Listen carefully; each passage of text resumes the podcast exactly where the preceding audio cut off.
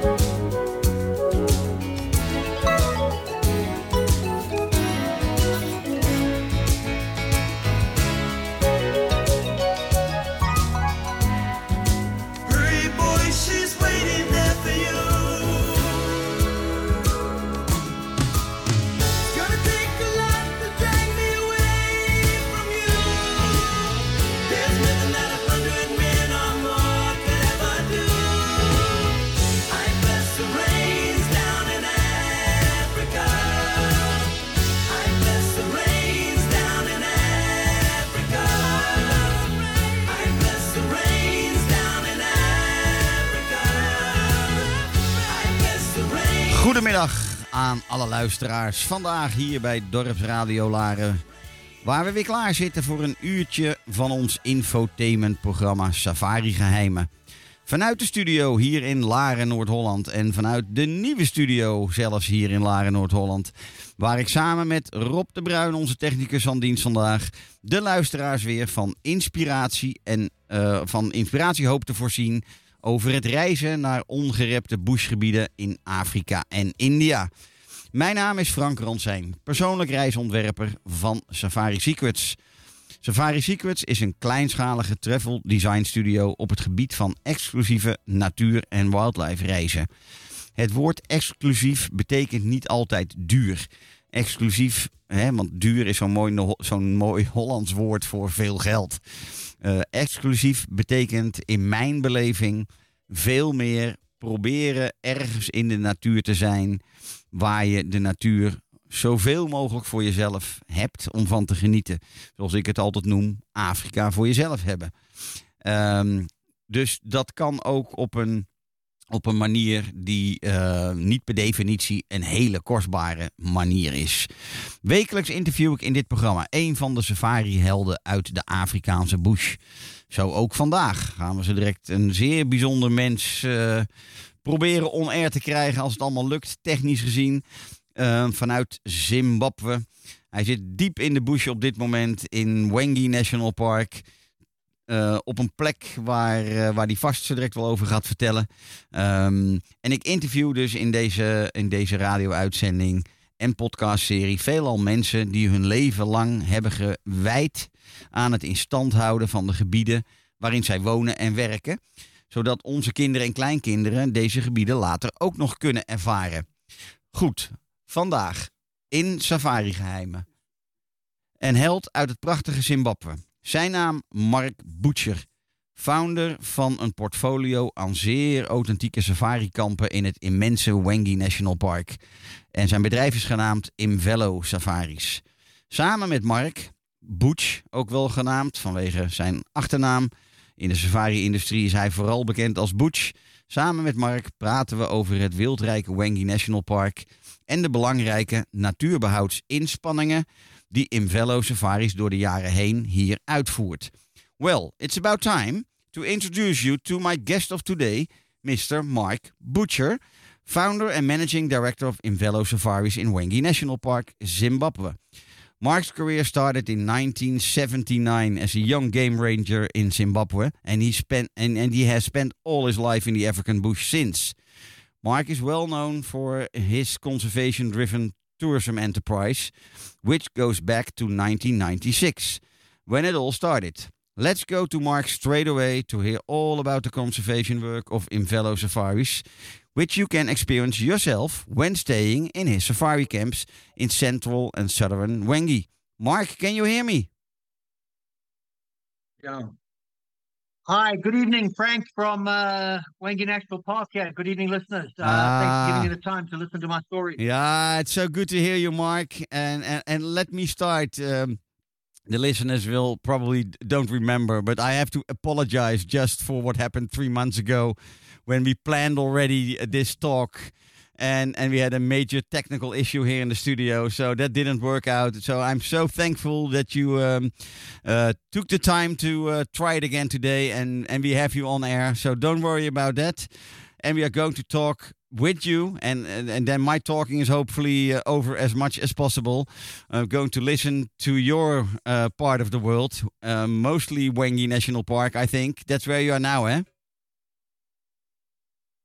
Correct, Frank. I'm here right now. I'm looking out the window. Had a had a nice green, beautiful evening here. Ah, now wet season. Ah, God, I I wish I was there.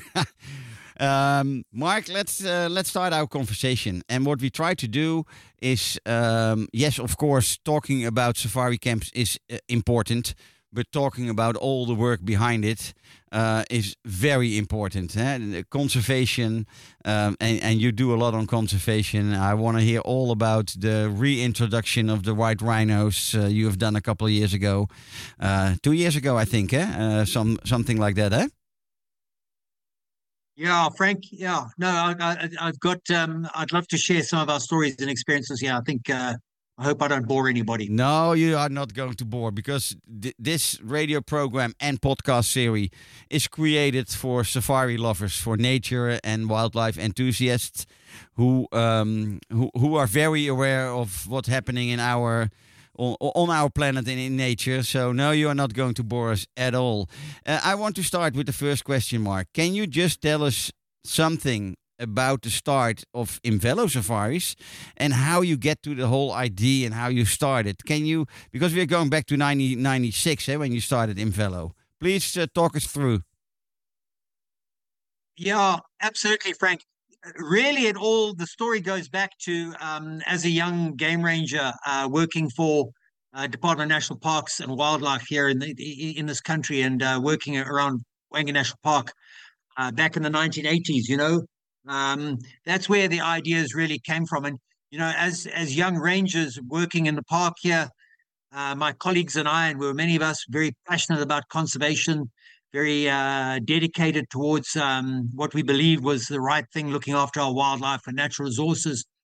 We spent a lot of our time, and not a lot of our time, we spent 80 or 90% of our time dealing with problems on the boundaries of the park. Okay. Mm-hmm. And the problems on the boundaries of the park related to where there were people living on the edges of the park. Okay. And, and wildlife from the park would leave Hwange National Park and would go and uh, cause trouble amongst the people this was often lions or elephants, uh, elephants going to the fields, lions going into the villages and raiding livestock, and sometimes even people. Uh, and then, of course, people being very angry about wildlife. And these people would come to the park and uh, I put in inverted commas, they would poach, you know, they would come into the park. And this was not the high powered uh, rhino poaching and ivory poaching that's in the news. Yeah. But this is really most of this is subsistence poaching. This is poverty stricken people without jobs that would come into the park uh, and kill wildlife for meat to feed their families. Okay. Yeah. Um, and during those years, we would arrest literally hundreds of people. We'd come down the southern boundary park in particular, and there'd be hundreds of poachers. They'd be cutting wire and putting wire snares, and we'd be catching them and putting them in jail. And you know, oh, job well done. We'd go back to our headquarters. No, know, we'd yeah. get reports, and everybody would say, "Well done, you know, you caught twenty poachers or fifteen poachers." Yeah. yeah. And then we'd have to turn around because the back then the district commissioners would call us because there were elephants in the field and we'd have to destroy elephants, you know, yeah. and often destroy lions because they were causing troubles, you know. Yeah, yeah. yeah. And uh, after years and years of this, a lot of us said, hey, you know, there has to be another way, mm-hmm. you know, because uh, we're arresting people and they go to jail, they come out of jail, they come back and they do it again, you know. Yeah, yeah. And yeah. we shoot an elephant in the fields now, and then we turn around two weeks later, there's another elephant in the field. So yeah. it has to be another way. So it was after leaving government service that we, uh, myself and some of my colleagues, decided to to try and open up a private enterprise operation that would be centered and working with communities. Okay, mm-hmm. not staying in the national park and then visiting communities, but actually set up lodges and set up tourism infrastructure on community land and try yeah. and create some kind of an interface yeah. between the park and the people. You know, yeah. try and create some kind of useful uh, revenue generation and money that would come out of the park and go to people, not go to central government. Mm-hmm. Uh, and that took a lot of time and putting together, you know. And our first lodge we built on community land back at the time was uh, Gorges Lodge. Yeah. Uh, very proud of what we did there. We built Bomani. Yeah. Uh, very proud of what we did in the 1990s. Yeah. Uh, and started to get things working, you know. And instead of hiring people from uh, the hotel schools in uh, in town, we we were very careful about hiring people from the local communities. We would hire people from the villages in walking distance, and we'd try and teach them the best we could. Again, we weren't hoteliers, we we weren't restaurateurs, we were uh, just game rangers, you know. Mm-hmm. But we knew uh, what we wanted to do, and that was that was how how, how the thing started. Uh, but very very proud of those early beginnings. Uh, very very hard, very difficult, but um, we've come a long way since those years, 20, 30 years ago. You know, yeah, yeah, you very did. Proud of what we've achieved. Yeah, yeah, yeah. So you said I, I even didn't know that Gorges Lodge was the first one you started. Yeah, and, and, and it was and it was interesting. You know, um, we got leases from the communities around Victoria Falls, Yeah. and we got leases for the communities around Hwange. Yeah, Um, and being game rangers, not very good businessmen either. Uh, we said, okay, the, it might be better to start up near Victoria Falls because the chances of it being uh, a working tourism enterprise, we would stand a, a bigger, a, a better chance of it. So, so actually, that was our first lodge there. okay. Um, And and and, and, a lot of the where that started when we were young game rangers in Hwange. Yeah. we used to go for our time off and maybe weekends. We'd go up to Victoria Falls Yeah. to go and Yeah. we were young, young, young guys. We would go to the falls. So that would be going to town. Yeah. and I'll never forget. I have still have the images in my head of driving up the road, and people who've been to Victoria Falls will know the airport's on the south side of town, and there's a tar road going from the airport into town. I used to watch tourists in the buses coming from the airport, and they would throw candy out of the windows, candy and sweets. Yeah, and yeah, yeah, yeah, yeah. And, uh, Yeah. out of the windows Yeah. to to the kids, you know, Yeah. the kids, Yeah. these young children who were growing up in the shadow of Victoria Falls, Mosi-oa-Tunya, the smoke of the thunders. The best they got from tourism was people throwing candy at them, you know, and they would scrabble on the side of the road digging Ah, candy, and Yeah, it was just terrible. horrendous images, you know, just the worst kind of tourism you can imagine. Yeah, yeah, yeah, yeah, These yeah. poor kids were not involved in any of the benefits. No. Tourism there was about hotels in town and multinational hotels and money going to uh, central government and going to uh, offshore accounts and uh, multinational companies that were, you know, weren't even Zimbabwean. So, uh, very, very frustrating. So we're very, very proud to build a lodge on community land that was uh, there and really became, we embedded ourselves in the communities. And um, Yeah. that was, uh, and we followed very soon afterwards when we got a little bit of money going where we could build now around Hwange, you know? Yeah. So now Because- people could come to Vic Falls and go to Hwange. And That's Yeah, what we're yeah, yeah. trying to do today. And and I think we should uh, explain, uh, especially to to listeners who haven't been to Hwange themselves or even to Zimbabwe uh, at all. Um, you are mostly operating in Hwange at the moment, eh? because I think that Gorges Lodge is not part of Imvelo anymore. Eh? Am I right? Yeah, correct. Very, very sad what happened to us. But when, but when COVID hit, you know, um, the tourism uh, operations in Zimbabwe and indeed all over Africa and the world were devastated yeah, by yeah, yeah, yeah. uh, by the repercussions of COVID. Um, and and sadly, our, our company we we we had to downsize. Yeah, yeah, yeah. And and let Um, let's keep it and, um, let's keep it as positive as possible today, uh, um, uh, Mark. So let's. Uh, I, I just wanted to check with you because that's what I found out. Um, but tell us a little bit about Hwange. You're uh, you are having, and, and correct me if I'm wrong. Eh? Uh, I have been to your camps just before COVID. I think one or two years before COVID started. Um, in the central Hwange, you have Nehimba. And then in the south, you have three more Camelthorn, Bomani, and Jozibanini. Am I right?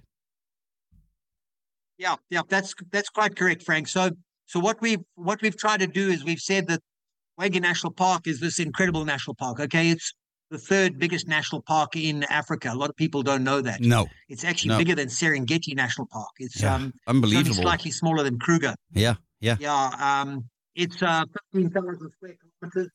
It's uh, part of it's a it's a it's a cornerstone of Mhm. KAZA. You know the Kavango Zambezi Transfrontier Conservation Area. Yeah, yeah. Which is five countries, fifteen national parks, half a million square kilometers. This is the vision for the future Yeah, of yeah. this part of Africa. And Hwange is is is, is the oldest national park within KAZA. Yeah. Uh, it's one of the founding members of this of this of this whole ecosystem. You know this um, today, still now, late dry season, we've got uh, the highest density of elephant on the planet. You know, we've Yeah. got nearly nearly fifty thousand elephants in the park. Um, we have Zimbabwe's largest populations of lions, of wild dogs, of uh, things like roan and sable antelope. We have the greatest species diversity, both of mammals and um. Uh, Mana pools and other some of the other famous parks in Zimbabwe are, are fantastic, you know. But Mhm. uh, frankly, and I'm a Hwange man. yeah. This is where I. This is the place I'm most passionate about. I can walk across Mana pools in the morning. uh, Hwange National Park. Better be carrying a lot of walk, uh, water, and you'll be walking for three or four days if you want to try and walk across Hwange National Park. You've got a, a very very tough walk ahead of you. So Hwange's vast. It's fantastic. Yeah, Um, yeah. We set up. We we feel that people can visit Hwange and and uh, travel to different parts of Hwange and have completely different experiences. Up in the north, where Nehimba is, it's mopane country. Um, there's rolling uh, hills, and the vegetation is very different. Species are different. You see different uh, species up there. And the Himba is most famous for the seeps and the incredible elephants that are up there. Um, uh, I tell people that when they go to Nehimba, it's going to be one of the best elephant shows you can have anywhere. Elephant show, it'd be the best elephant show on the planet. I know. And I can confirm. I can argue that with confirm. anybody. Yeah, yeah, yeah. I have experienced myself. And just sitting uh, uh, at the sun deck, uh, having dinner on the sun deck with having probably about 50 elephants on just a couple of meters away from you, drinking from that waterhole in front of Nehimba. It, it's the one of the best shows uh, you can uh, you can listen and watch uh, to uh, by by dark.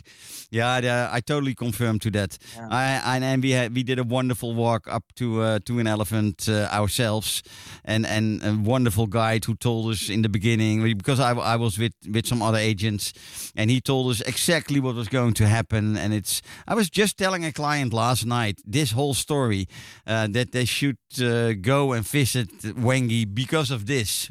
One of the reasons, eh? of course, there's a lot more, but um, yeah, I totally agree on what you're saying. It's the best elephant interaction uh, and and show you can you can imagine. Um, so, uh, yeah. you you call it the north, I call it the central, but is it actually part of the north, Nehimba? Yeah, you know, you can you, can argue where, where the north south divide is, but yes, I'd certainly call it north. Ah, north okay, central. okay. Um, I should adjust that then because and, I always uh, say central Hwange, but it's north. Okay, okay. Um, and and, yeah. Uh, when, and when, then, uh, yeah, go on, go on. Yeah, I was going to say from there, uh, you, you, you can travel down to what I call the south, and it's really it's the southeast. Um, and Hwange is not well known for open plains or savanna country. You know, yeah. Uh, Hwange is uh, essentially a lot of bush and forest and that kind of thing. But the southeast of the park, very, very different, completely different to the Nehimba area or, or the northern, north or central. Uh, there's savanna grassland. And uh, the Ngamo Plains are the biggest plains in Hwange National Park. It's open grassland, very, very scenic, picturesque game doing country. Uh, big herds of wildebeest, big herds of zebra. Yeah. Of course, uh, lots of predators related to it. Mm-hmm. Uh, there are still many, many elephant.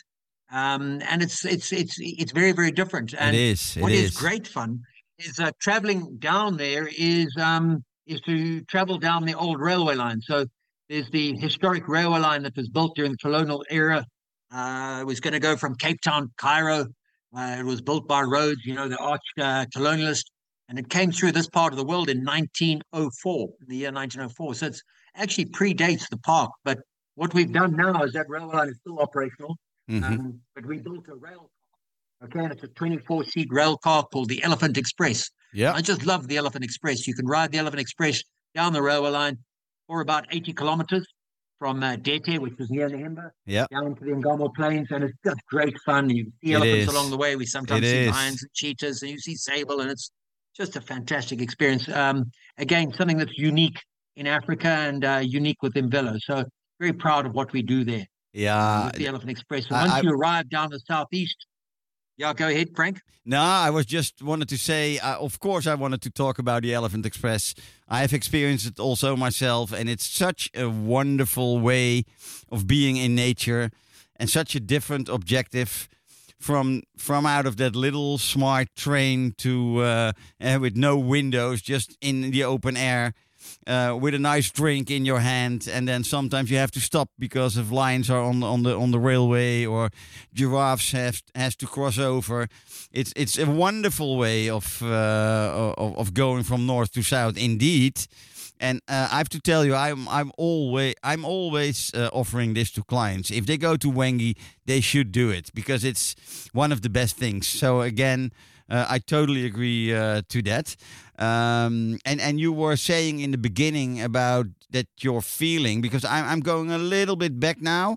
Um, may I ask you when uh, you were telling about the communities and the poaching and that you wanted to set up a tourism um, industry around those people who live on, on the border of the of Hwange National Park?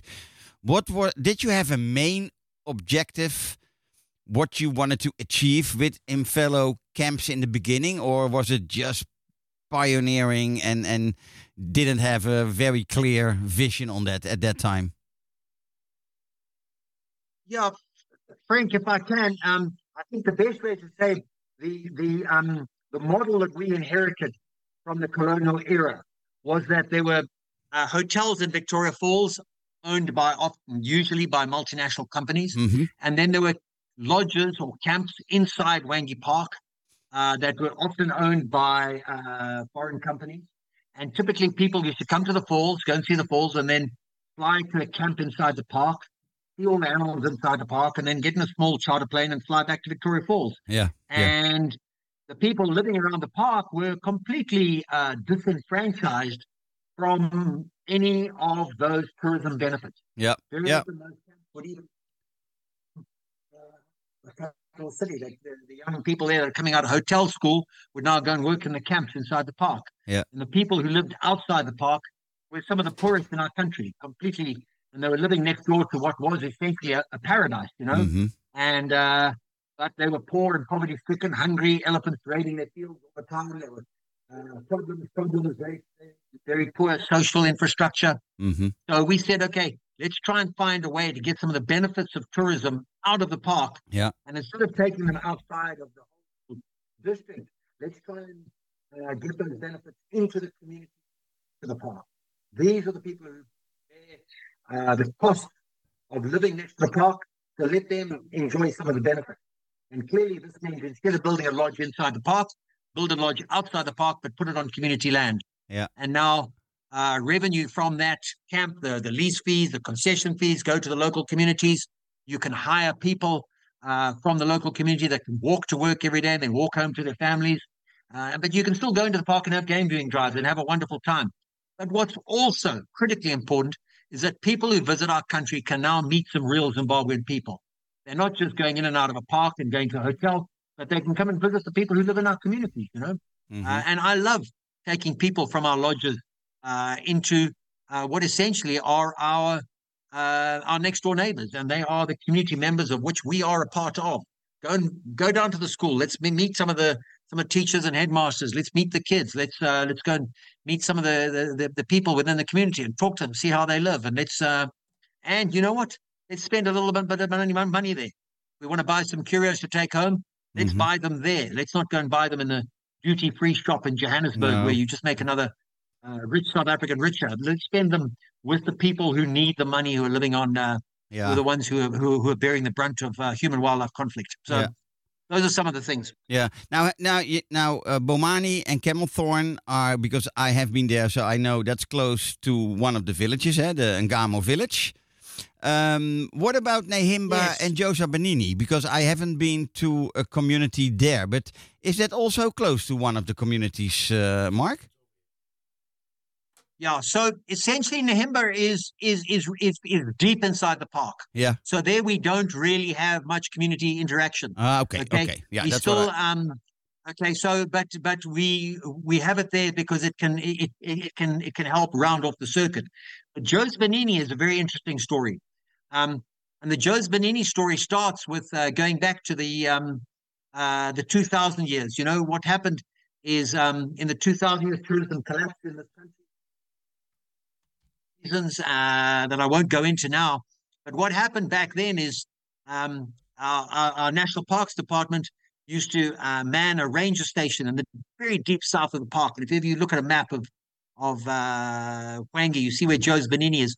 It's the remote, remote today anywhere in Zimbabwe and perhaps in Southern Africa. But we used to be a ranger station there back in the old days. When I was a young ranger, we used to often stay there while we were doing patrols down the bottom of the park. And uh, that ranger station was abandoned in the year 2000. Okay, just national parks didn't have money. There was just no way they could keep it operational. Uh, really struggling to keep uh, everything working inside the park, and they were forced to abandon the ranger station.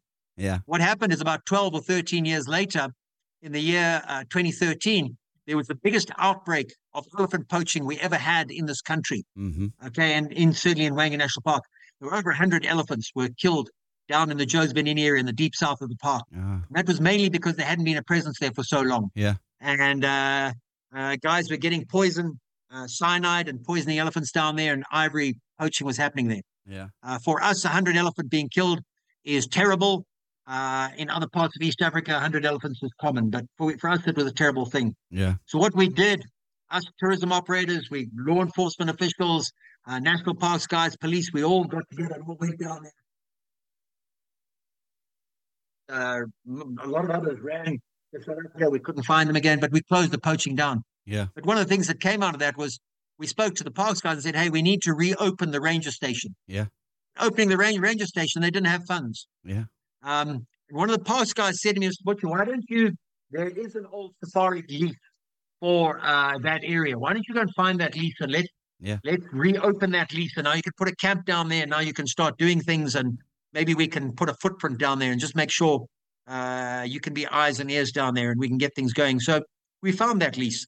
Um, and it, all of the um, accountants and lawyers told us we were we were crazy, but we purchased the lease and we put up a small camp down there. We drilled a borehole that could now start providing water for, for elephants again, Mhm. but also importantly provide water for the park rangers if they came down there in the park. They could now fill up their water bottles and go and patrol, you know. Yeah. And of course, we put that footprint down there. So immediately, uh, there were people down there moving around down there, and we could keep an eye. And the poaching moved; it closed. So very, very proud of what we achieved with Jozibanini. Now, what's exciting is that Jozibanini is only 20 kilometers from the communities in the deep south of the park, um, adjacent to the deep south of the park. Yeah. And these are the communities around what we call Ward One, uh, villages like uh, Gibikego, uh, Imanalene, um, these on the Gwabazabuya there. Um, so these communities had never had any, they'd never seen tourists. Uh, and what was uh, a story I still tell is many years ago when we took the first group of tourists from Jozibanini up to the school there. Mhm. It's a wonderful school. It's called St. Joseph's School. It was started by the Catholics, gosh knows how many years ago. When we went there, the parents were so happy to see us, they presented a chicken every single one of our guests as a thank you for coming to visit their school and to see their kids. Oh course. wow. We were completely taken aback, but Yeah. and we redonated the chickens back to the school as a, for to start a chicken project Yeah. that's still going today. But that gives you an idea. And um, Yeah, it's uh, such a it's such a shame. for people. It's such a shame that I haven't seen uh, Jozibanini yet myself, but I uh, I will come back. Don't worry. Um, is that also the area where you reintroduced the the white rhino, Mark? Is that also in that area?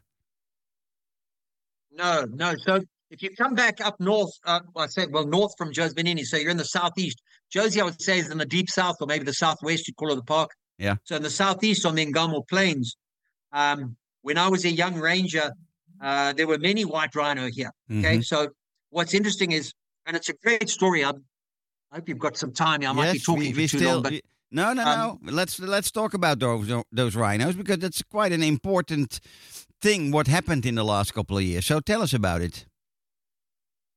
Okay, so the white rhino story starts in this country. The last white rhino were first shot out of this country in about 1902 or 1904, somewhere there around 1900. Mhm. Uh, there's discussions about it, but all the white were, were, were, were wiped out in this country by the early hunters. Mhm. Often, many of them were ivory hunters back then. Mhm. Um, and what happened is the southern white rhino, okay, was thought to be extinct. Yeah. Okay. And but in the 1920s, about 20 something were discovered in the northern part of Zululand, what is today KwaZulu Natal. Yeah, yeah. And about 20 of them were found there, and it was very exciting.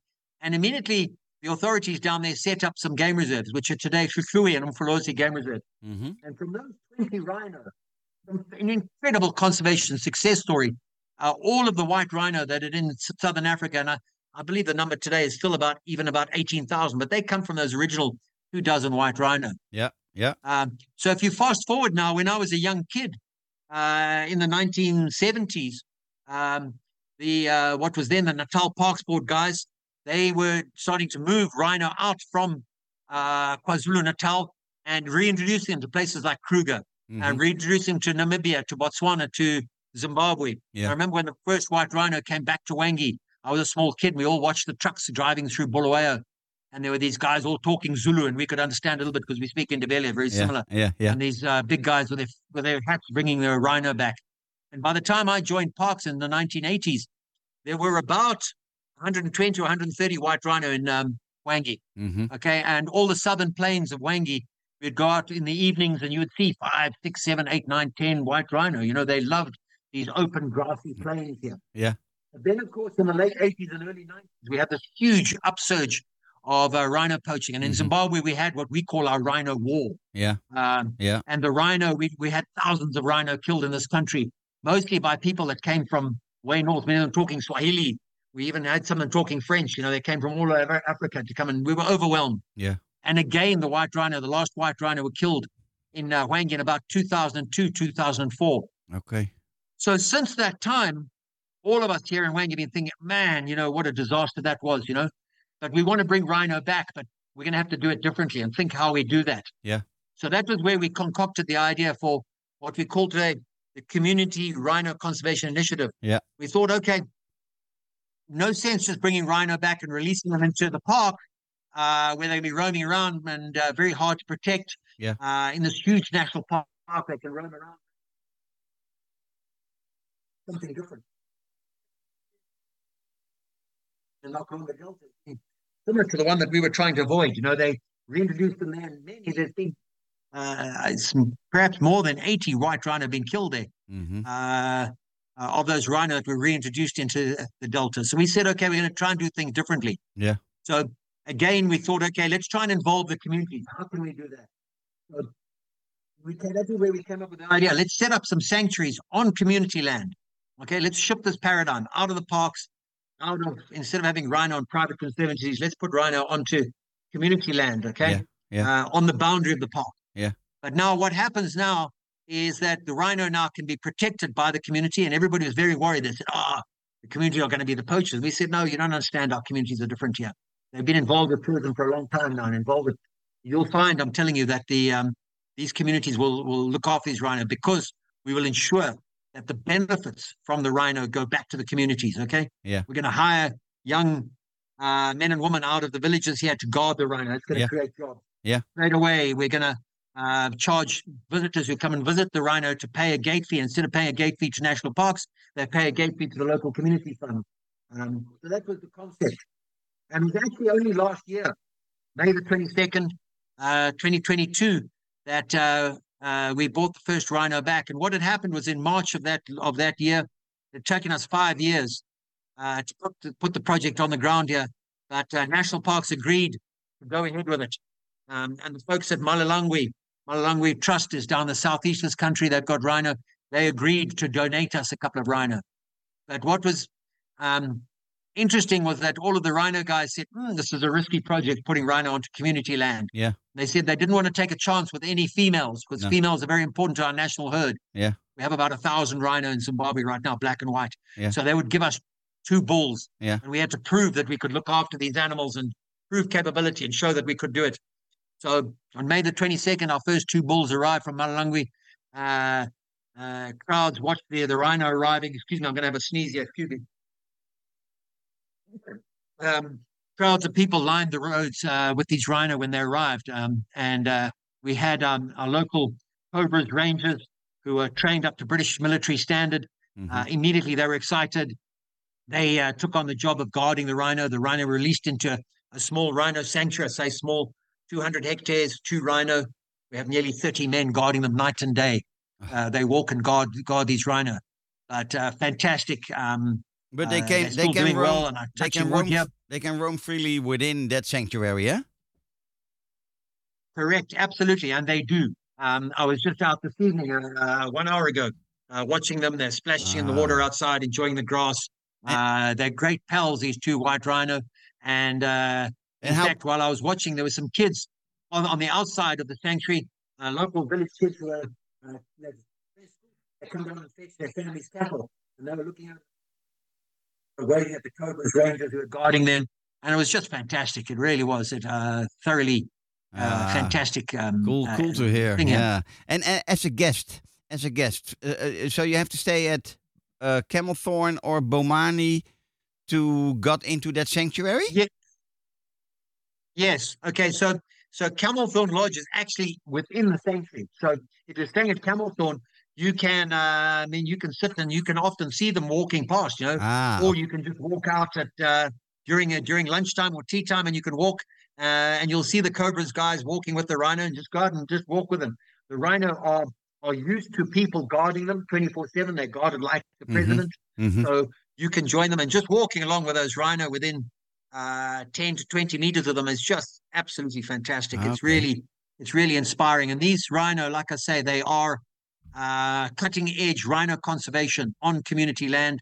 And this meets sort of cutting edge um, uh, community based tourism. You know, it's, it's, it's Yeah. very exciting. but but tell me um, what, what Uh, because you people said, from uh, Bomani come come down and visit as well. You know, Bomani's only a short drive yeah away. yeah yeah yeah, yeah. Bomani's uh, 20 minutes drive. Yeah, yeah. People come down and they can visit the rhino here as well. Okay, and and Um, how, how will their future be then? Because it's two bulls, so there will there will be no babies. So how how how what do you think about the future of those two bulls?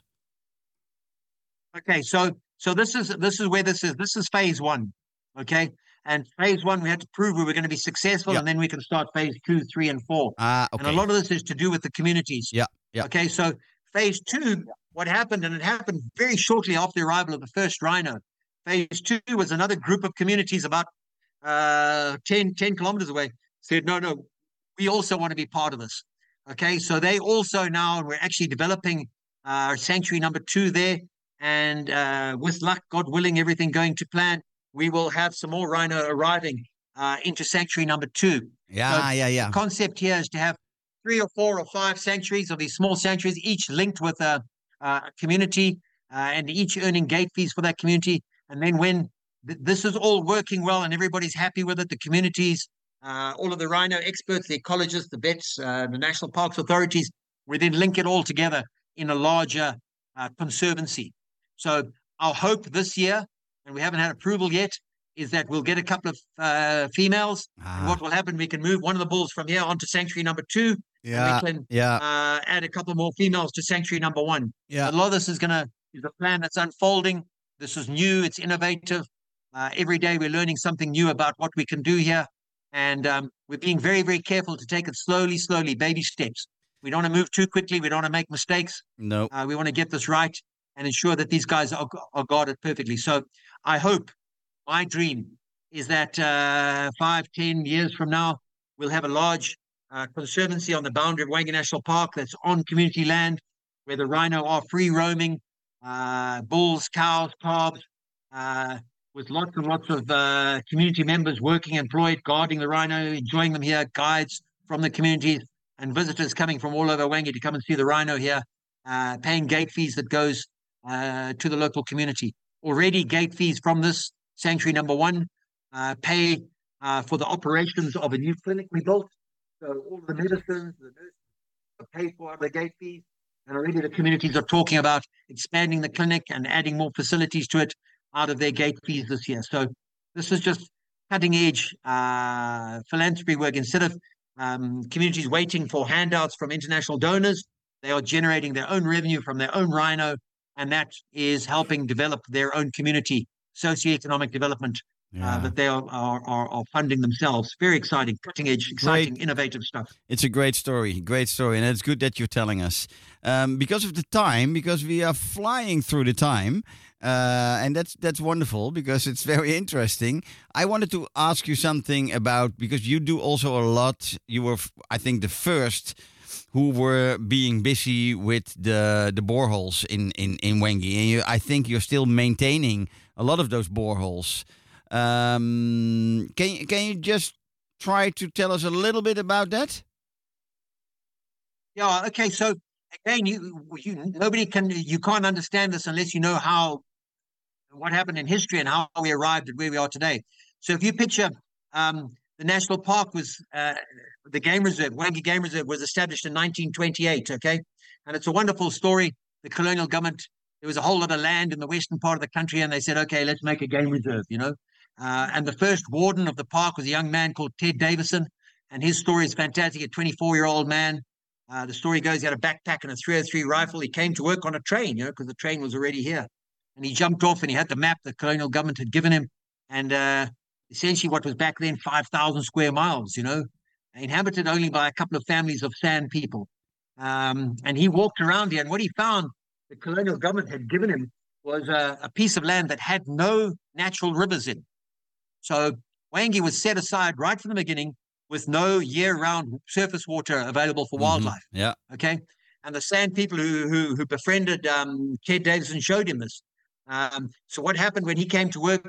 Uh, a lot of debate about whether there were 500 or 1,000 or 1,500 elephant here, but something like that, about a thousand elephant.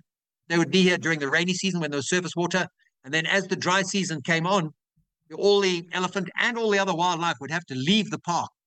So it would have to leave the protection of the park uh, to go and get water.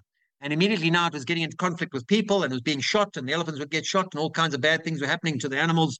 They're being killed for meat and killed for zebra skins and all kinds of things. hmm So Ted Davison decided uh, he went to the colonial government and said, "Okay, I want some money, and I want to drill a well. I want to drill a borehole." And in 1935, he drilled the first borehole. He put a windmill, and that pumped water to the surface. that during the drought, during a dry season, there would be water for wildlife during the dry season. Okay. Now that system uh, started back then by 1960. There were about 20 or 30 windmills in Hwange Park Yeah. pumping water to the surface. Yeah, I and read elephants about had increased to about five or 6,000.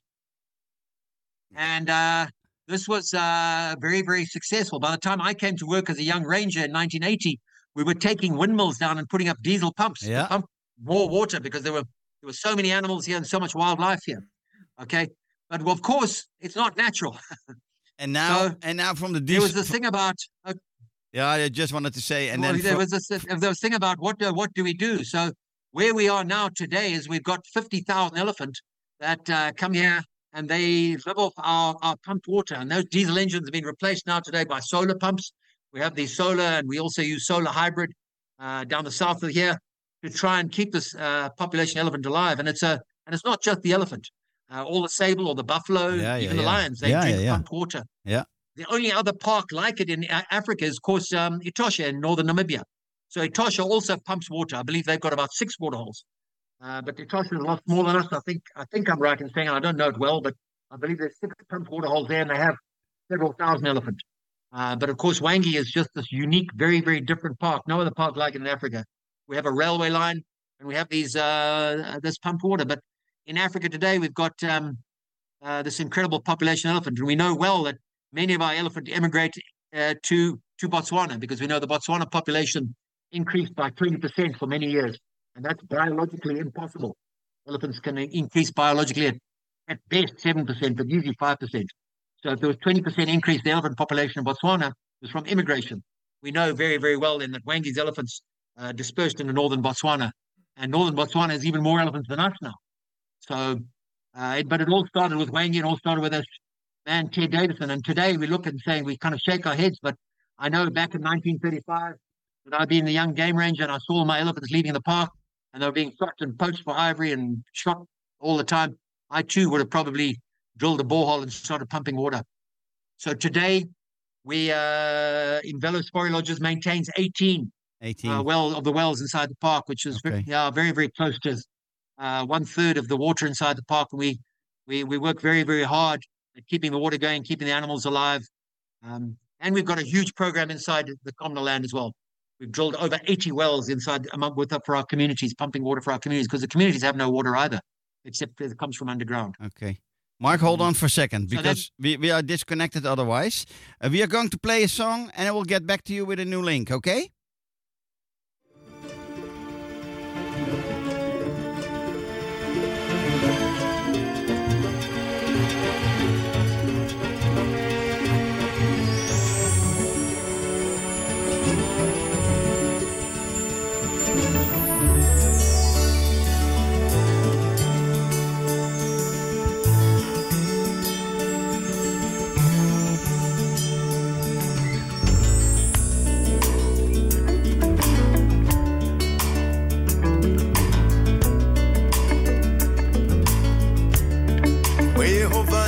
Chiutawane imwe fumo ya umoyo wane.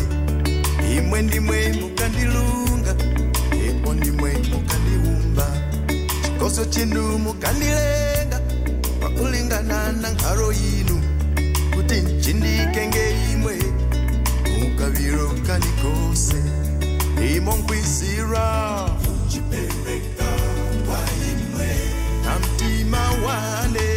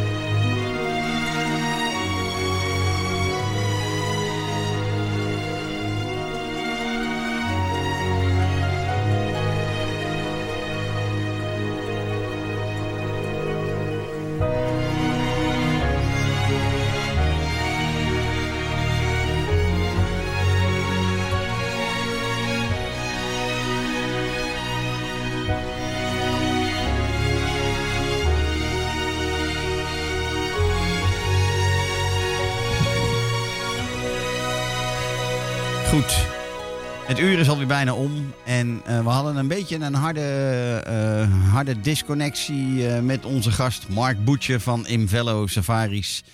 Ehm, ja, goed. ehm, we doen dit met een Zoom-connectie. En Zoom doet moeilijk, niet langer dan 40 minuten.